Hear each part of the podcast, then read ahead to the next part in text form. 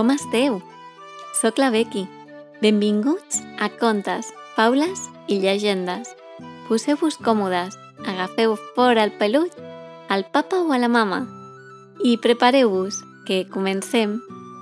Avui explicarem una faula molt antiga, escrita per Isop, fa més de 2.500 anys. Des de llavors que s'expliquen d'avis a nets fins al dia d'avui. Les faules, com els contes, ens ensenyen coses que hem d'aprendre. Aquest conte té lloc a una granja. El títol d'aquesta faula és La gallina dels ous d'or.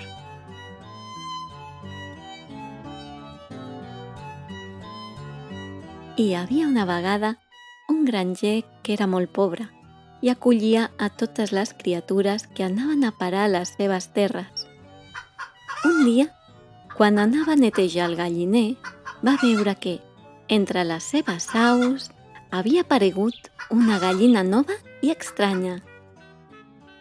L'endemà al matí,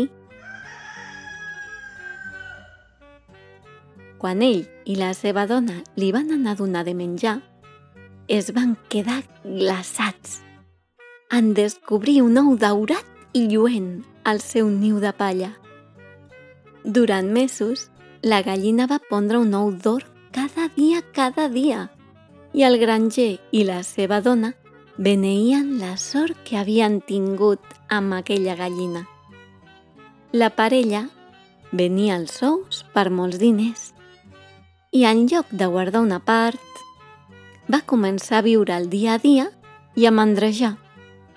Menjaven tot allò que els hi venia de gust i es compraven tots els capricis que els hi passava pel cap. Però, tot i que eren més rics del que mai havien somiat, no acabaven d'estar satisfets. Amb un ou d'or al dia no hi ha prou. Es queixava la grangera. Aniria molt bé que posés dos. Guanyaríem el doble de diners. Ja ho tinc. Va exclamar la grangera. Si amb el que menja pon un ou d'or cada dia, si li donem per menjar el doble de gra, potser pondrà dos ous cada dia. Dit i fet. Des d'aquell dia, la senyora donava a la gallina la ració doble de menjar. Així que la gallina va començar a engreixar-se i a engreixar-se i ja no podia pondre un ou al dia, fins que un dia va estar tan grassa que no va poder pondre cap més ou mai més.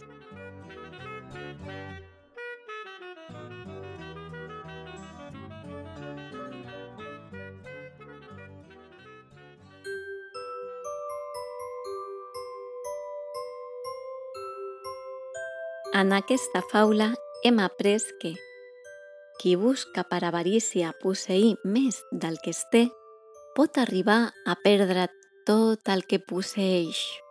Aquest ha estat el conte d'avui. Esperem que us hagi agradat molt. Si voleu que expliquem algun conte o llegenda de la zona d'on vius, ens podeu escriure i farem el possible per explicar-ho ben aviat. Ens posarem molt contents si us subscriviu a aquest podcast.